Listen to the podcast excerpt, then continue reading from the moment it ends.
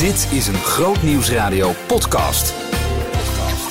De liefde, de liefde, de liefde. We stonden er vaak bij stil in week 7. Natuurlijk vanwege Valentijnsdag, maar ook vanwege Valentijn met een F. Verder een gesprek met iemand die vindt dat de kerk er wel voor kan zorgen dat je als gezin op één salaris kunt leven. En eh, de luizenboerder. Ga jij kijken dit weekend? Groot Nieuwsradio podcast. Met Maurits Reinoud. Leuk dat je luistert naar de wekelijkse podcast van Groot Nieuws Radio. Ja, hoe het werkt. Ik, uh, ik uh, ga altijd op vrijdagmiddag even zitten en dan maak ik een, uh, een selectie van wat je hebt kunnen horen bij ons op de zender door de hele week heen. En soms kan je dat niet horen omdat je aan het werk bent of je bent wat anders aan het doen. En dan is het toch mooi dat je even een selectie krijgt van het mooiste, het beste wat er op Groot Nieuws Radio te horen was. Nou was het natuurlijk 14 februari, dat was donderdag, was het Valentijn. Alleen was het op woensdag Valentijn in de dag van vandaag. Marien, jij uh, had het bedacht, een special eigenlijk van de dag van vandaag. Waarom heb je daarvoor gekozen? Hoe kwam je op dat idee? Nou, ik vond het sowieso leuk om iets met Valentijn te doen. Want het is ieder jaar een moment en ik vind het goed om de liefde te vieren. En toen dacht ik, ja, elk jaar krijg je ook wel weer te horen van mensen die zeggen: Ja, ik vind het jammer, want ik ben single. En nu gaat het eigenlijk alleen maar weer over relaties. En dat ik dacht, die dag ervoor is dan een mooie dag om eh, aandacht te besteden aan, aan, aan, daten. Hoe pak je dat nou eigenlijk aan als je single bent? Single zijn, is dat eigenlijk zielig bijvoorbeeld? Dat soort vragen zijn er besproken. En, en we vierden eigenlijk ook het falen soms van de liefde. Want bij iedereen gaat het wel eens mis.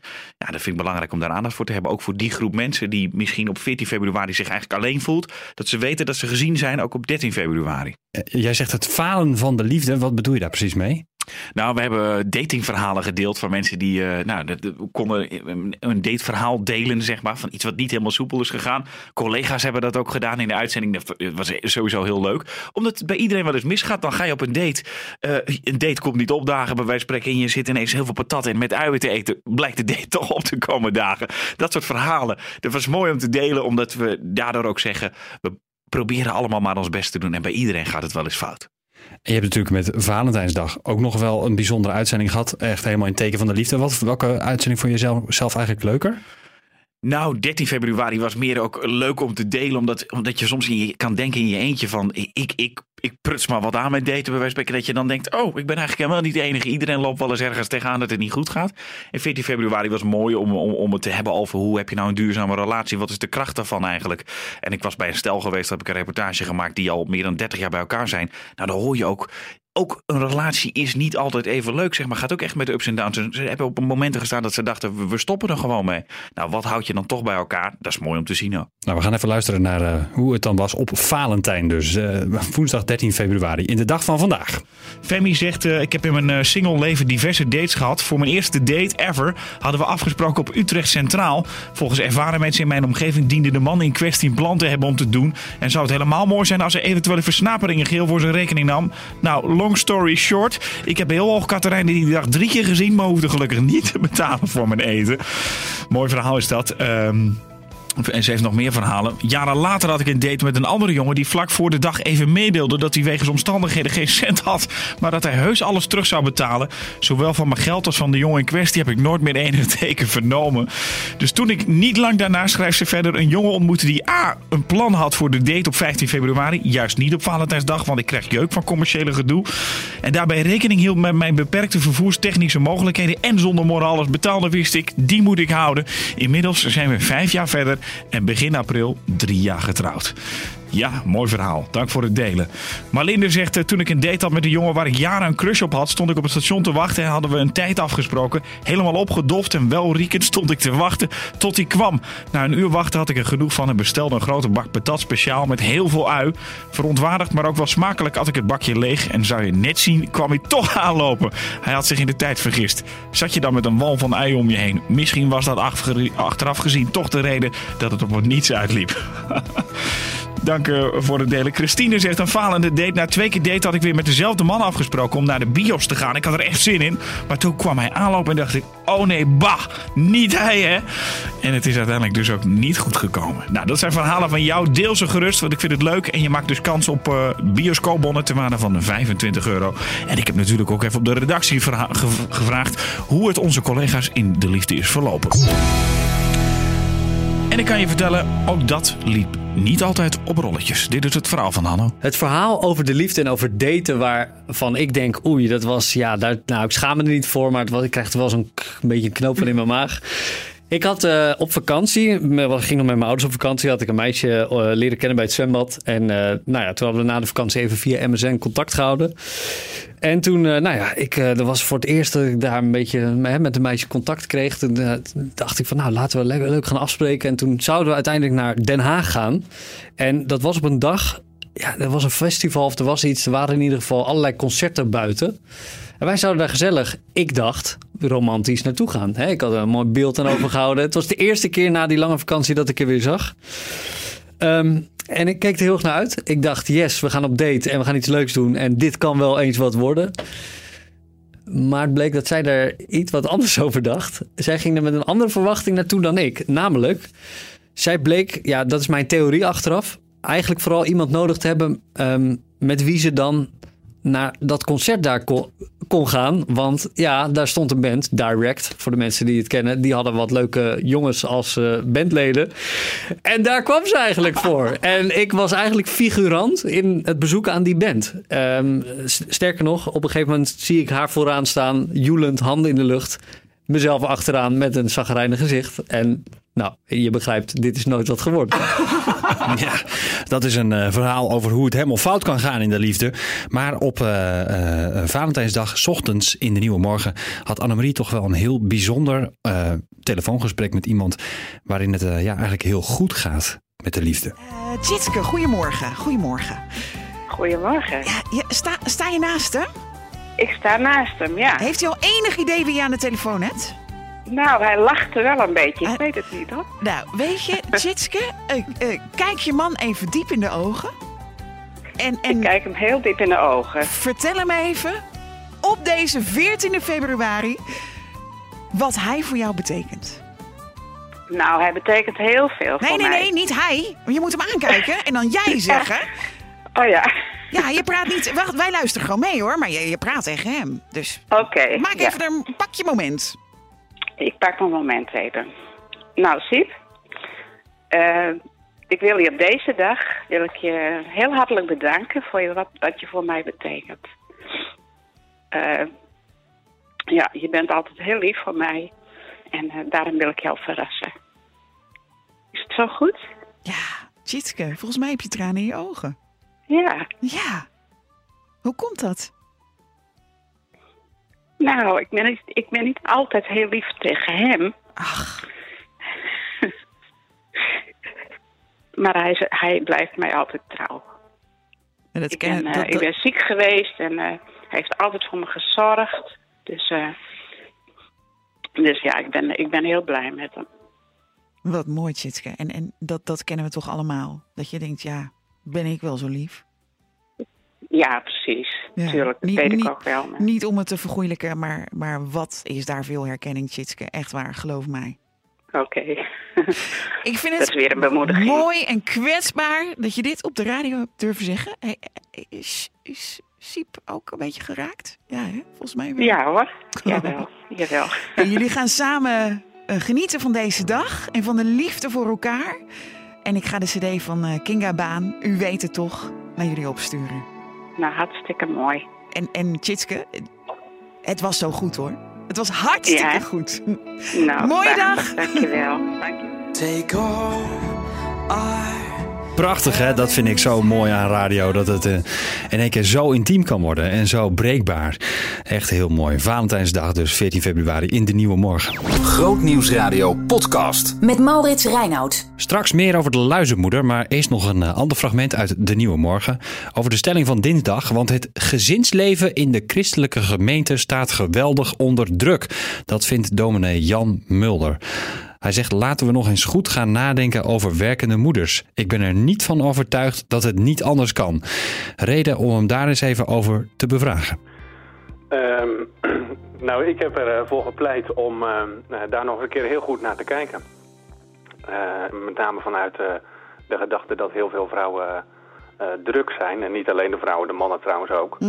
Maar ehm, ja, mijn, eh, mijn zorg lag er vooral bij dat ik soms ook eh, vrouwen tegenkom die niet geheel vrijwillig ehm, eh, toch werken. Ja, Ja. Nou ja, daar hebben we het zo over. Als, voelen. precies, als het eh, niet vrijwillig is, daar gaan we het zo meteen over hebben. Maar als u in een zaal, zaal vol met vrouwen in 2019 zegt... ja, misschien moeten jullie stoppen met werken. Hoe waren de reacties in de zaal? Ehm, nou, ik heb niet gezegd dat ze moeten stoppen met werken. Het was... ehm, Nee, dat ik- zeg ik. Dat heeft u een punt, ja. Ja, nee, nou, dat wordt, dat, het levert natuurlijk op Facebook heel wat reacties op. Mm. Ehm, ik heb alleen gezegd, daar moeten we nog eens een keer goed over na willen denken. En Ja. durven denken. En de reacties in de zaal, die hebben mij eh, verbaasd. Ik heb verschillende dames ontmoet die zeiden van, nou, best eh, prettig dat dat gewoon eens een keer gezegd wordt. Dus eh, maar uiteraard zijn er ook dames die eh, zich aangevallen voelen. En dat Ja. was eh, zeker niet mijn bedoeling. Nee, nee, Nee. Maar goed, het is echt uw, uw oprechte zorg. Ehm, u noemde het al even, er zijn ook vrouwen die zeggen... het kan niet anders, wij moeten alle twee wel werken... anders komen we gewoon niet rond. Ja.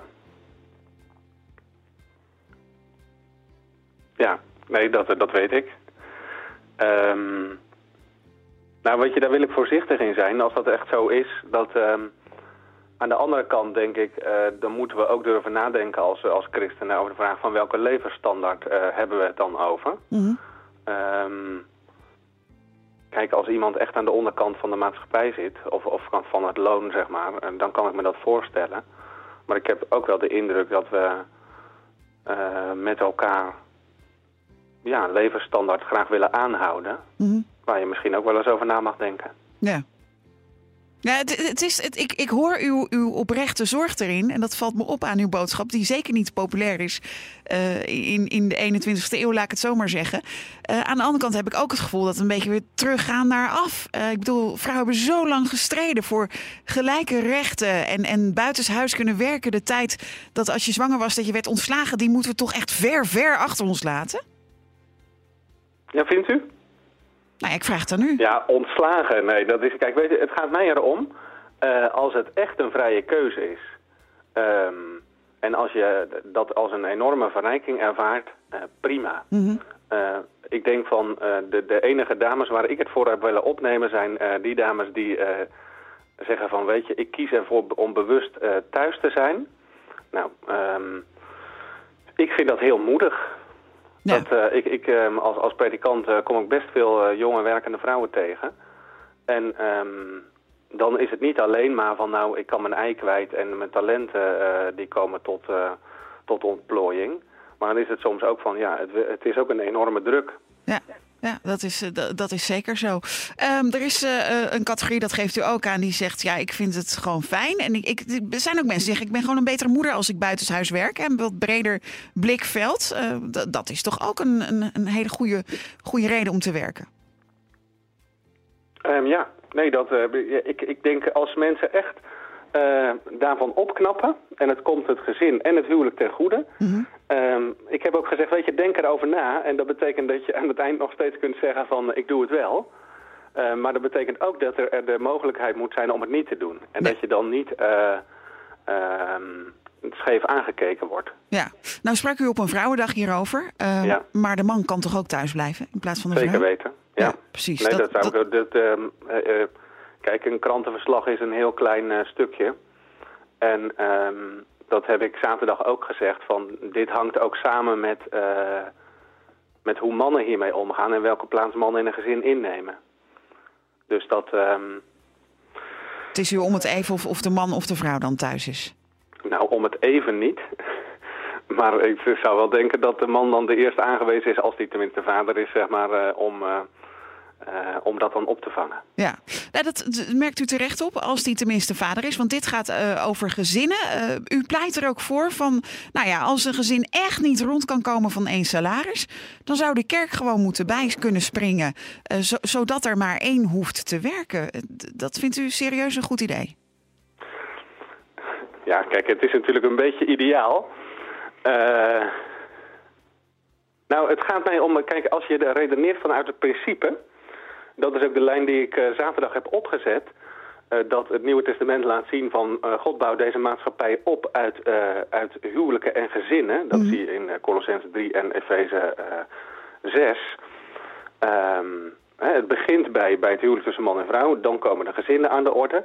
En ik denk, als wij echt als gelovigen ervan overtuigd zijn dat dat de hoeksteen is van de samenleving en ook van de gemeente, dat heb ik daar dus ook gezegd van uh, gemeenteopbouw begint bij, uh, bij zorg voor je huwelijk en je gezin. Thuis, ja precies. Um, en, en dat is dan het doorslaggevende argument van weet je, anders redden wij het niet.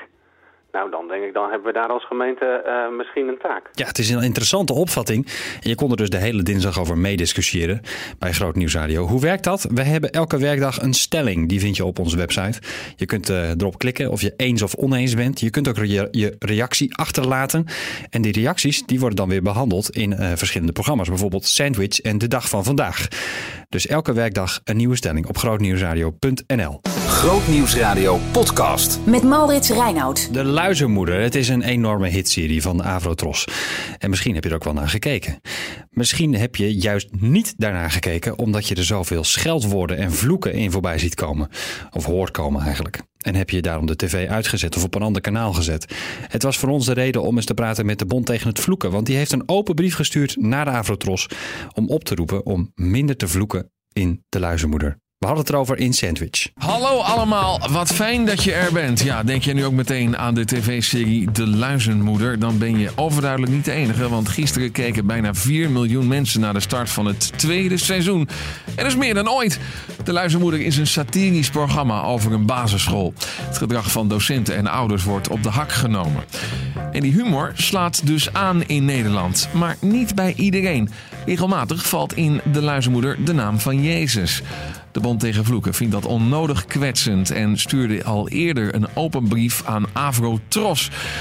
Directeur Kees van Dijk van Bond tegen Vloeken, goedemiddag. Uh, goedemiddag, hallo. Ja, heeft u gisteravond gekeken?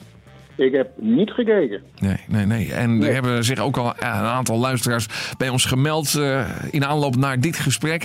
Van joh, uh, ik heb het uh, niet gezien. Nou heeft u de Avrotros een open brief gestuurd naar aanleiding van grof taalgebruik in deze serie. Wat hoopt u daarmee te bereiken? Nou, in ieder geval een stuk bewustwording. Dat is het uh, waar het ons met name om gaat. Kijk, je kunt natuurlijk een programma maken. Een programma wat heel goed bekeken wordt. Dat, dat geeft u zelf ook al aan. En dat is natuurlijk op zich ook helemaal waar.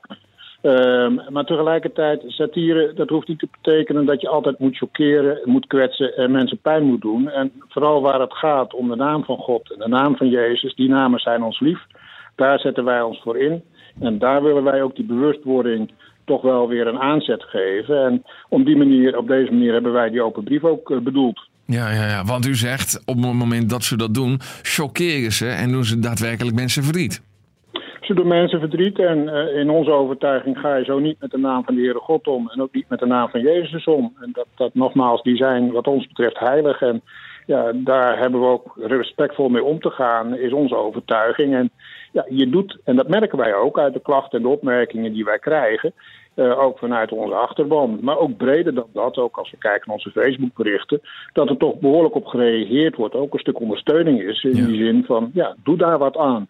De Avotros zegt dat er niks meer aan veranderd kan worden omdat de serie al is opgenomen. Ja, dat klinkt best logisch. Ook zegt de omroep ja. dat de regels van de satire regeren en dat ze geen censuur vooraf willen. Wat vindt u daarvan? Ja. Ja, weet u, wat is censuur? Hè? Kijk, wij, wij bepleiten echt niet dat je censuur moet toepassen in programma's. Maar een stuk common sense, gewoon uh, normaal nadenken van wat je zegt en wat je daarmee kunt bereiken. Uh, dat vinden wij wel van belang. En uh, dat inderdaad ook nu de omroep zegt van we kunnen het niet meer aanpassen, want de serie is al geschreven. Ja, dat, dat zij zo. Tegelijkertijd, je merkt wel aan meer programma's dat er gewoon wat weggepiept kan worden. Dus dat zou nog een denkbare oplossing kunnen zijn die ik ze van harte wil meegeven. Er zullen ongetwijfeld ook christenen naar de serie kijken.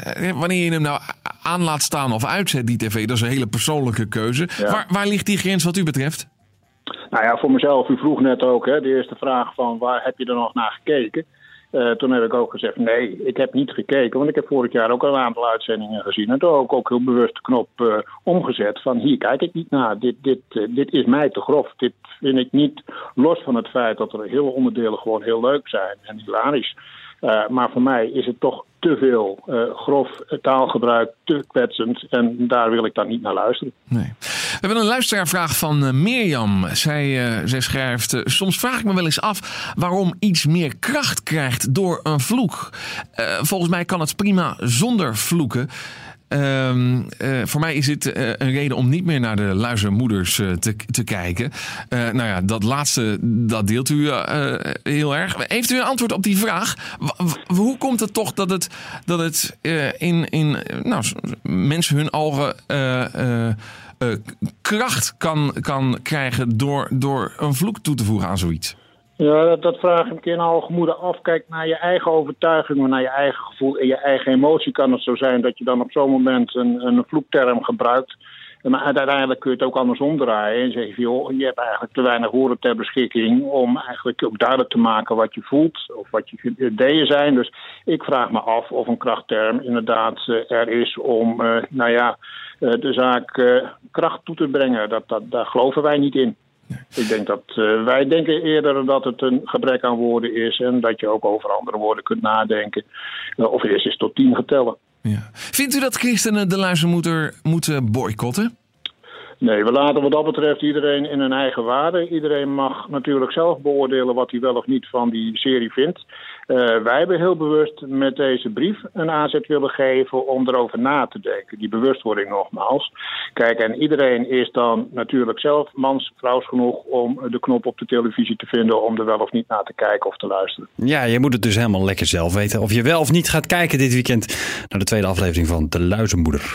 Komende week op Groot Nieuws Radio. De Fontein, een kerk in Apeldoorn, begint uh, een nieuw initiatief, namelijk de Luisterlijn voor mensen in de buurt. Wat je probleem ook is, je kan gewoon de kerk bellen. Een pilot waar we over gaan praten. De lage vaccinatiegraad. We praten met de Nederlandse Patiëntenvereniging. En uh, Christus Alleen is een nieuw boek van Hans Alblas. We gaan hem er uitgebreid over spreken. Vergeet niet om je te abonneren op deze podcast. En laat ook even aan anderen weten hoe fantastisch of hij wel niet is. Kan je natuurlijk ook doen door even een recensie achter te laten. Vind ik leuk. Tot volgende week. Geniet van jouw favoriete muziek en programma's met de vernieuwde Grootnieuwsradio applicatie voor je smartphone. Download hem nu via de App Store of Google Play. Of kijk op grootnieuwsradio.nl slash app.